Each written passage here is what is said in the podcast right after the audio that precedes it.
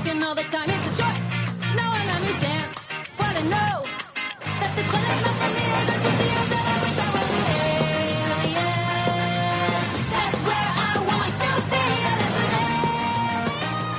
Welcome back to another episode of Daily Fortnite, your daily podcast about Fortnite.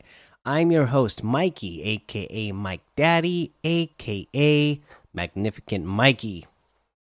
Okay, today, the little bit of news that we have is about Chimera and photography, so let's go over this. This is photography. Share your custom Chimera. Smile for the Chimera. He may or may not have come in peace, but he does come with lots of customization. For our next photography, we want to see how you've customized your Chimera, extra props if your Chimera is caught doing something cool. If you don't own Chimera, any cosmic themed screenshot will do. You can share your images with the hashtag photography hashtag on Twitter and or the photography post flare on uh, Fortnite BR Reddit.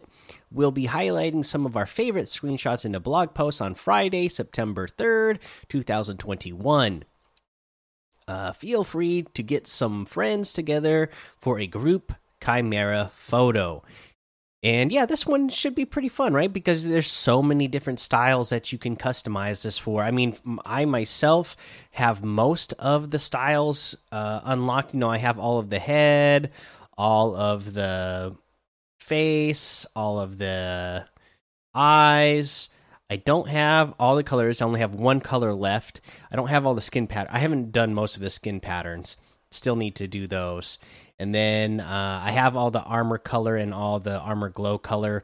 The emblems, uh, same thing. I only I haven't done any of those because I'm just not I'm not too worried about those ones. But uh, I have most of the stuff that I care about unlocked. So uh, you know this could be this could be a fun little uh, photography to uh, get involved with for sure. Uh, let's see here. Other than that, there's not really any news to talk about today. So let's go ahead and take a look at the LTMs. Imposters, of course, the Getaway Squads, Team Rumble, Arena Zone Wars Duos, Theme Park, Prop Hunt Infinite, uh, Advanced Red versus Blue, and Battle Lab. Uh, if we're gonna if we're going to go ahead and look at some challenges, our first challenge to look at uh, for this week is to travel in a saucer 2,000 meters. Of course, you can go places to like the Green Steel Bridge. Uh, there is always a uh, saucer that is uh, just land waiting there. Same thing in at at uh, Dirty Docks. If you go on the uh, where the shipping containers are, there's always a uh, saucer there, and then there's also always a saucer uh, in the bushes down on the island, uh, very south uh, end of the map at Cape Cod. So or Camp Cod. So that's where you're going to go uh, to get saucers really easily, and then of course you know you can just go to the purple areas and shoot them down and hop in them, and then just boost your way till you get yourself to 2,000 meters. So that's pretty easy let's go ahead and take a look at what we have in the item shop today. In the item shop, we still have that Wonder Woman bundle, which I did uh, go ahead and cop because, oh my goodness, it's so good. And then uh, we have the Envoy outfit today for 800, the Volt Batons harvesting tool for 800. Those are pretty cool. Uh, the Hugo outfit with the Emissary bag back bling and the Butterfly knife emote for 1200 the butterfly knives harvesting tool for 800 the sleuth outfit with the evidence bag backbling for 1500 the gumshoe outfit with the confidential case backbling for 1500 the noir outfit with the clue finder backbling for 1500 the magnifying axe harvesting tool for 800 the victory mark 1 glider for 1200 we have the chugga chugga emote for 600 the bear hug emote for 200 that is back in here so they must have fixed the issue that was going on with that when it was first released. Uh, so good to see that back in. You always gotta love a good bear hug. The shanty for a squad emote for 500 the double up emote for 500 the hey now emote for 500 the waterworks emote for 200 the have a seat emote for 200 face palm emote for 200 Breaking Point emote for 200. the T pose emote for 200, the I don't know emote for 200, the rage quit emote for 200. Wow, this is like that that, that was a big uh, emote day, right? Great for the imposters mode emotes is what they're calling them. Yeah, that's uh you know a lot of great emotes that are uh, pretty cheap as well, so that's cool. We also have the Master Minotaur outfit with the Bull Shield back bling for 1,500, the Vice outfit for 800, the It's Complicated emote for 500, the Old School emote for 500, the Sweaty emote for 200, and I got to give a shout out and thank you to Gavman R for sending this to me as a gift. I appreciate that so much. Uh, I'll definitely be using this one. uh, we got Focused emote for 200.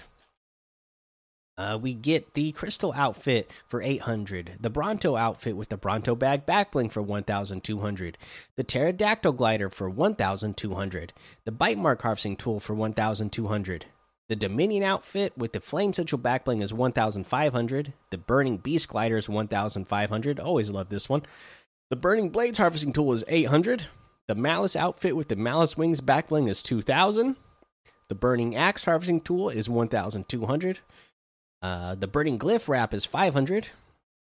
And then we have a new emote, the Bim Bam Boom emote. It's psh and it's room. There you go, 500 V bucks.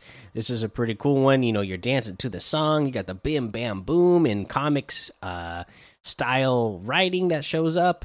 Uh, got a cool little dance to go along with it. Pretty cool, 500. Cozy Chomps outfit with the Sharky Shaw backblings 1200. The Comfy Chomps outfit with the Overbite backblings 1200. The Sail Shark Gliders 1500. The Sharky Slappers Harvesting Tools 500. The Sharky Wrap is 300. And that looks like everything today. So you can get any and all of these items using code Mikey, M M M I K I E, in the item shop. And some of the proceeds will go to help support the show. You know what? Uh, for our tip of the day, it is Wild Week, right? So uh, take advantage of that propifier, especially in the end game, because you know what? If you are in a situation where you have a prop that makes sense in the end game to use where you can use it and uh, you, you know players aren't going to suspect that you uh, you know that you're a prop. Like pretend that you're over in retail row and you're in uh you know some moving circles situations or you're just like in the end game near or near the end you know and you have the propifier and it gives you a, one of the doghouse options okay?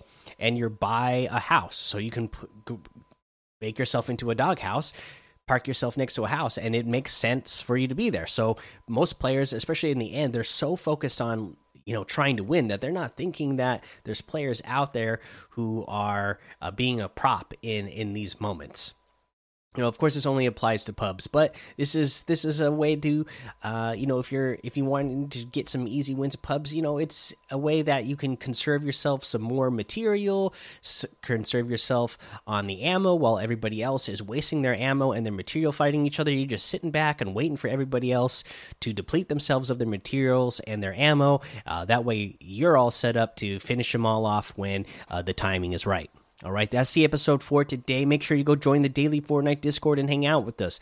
Follow me over on Twitch, Twitter, and YouTube. Head over to Apple Podcasts, leave a five star rating and a written review for a shout out on the show. Make sure you subscribe so you don't miss an episode. And until next time, have fun, be safe, and don't get lost in the storm.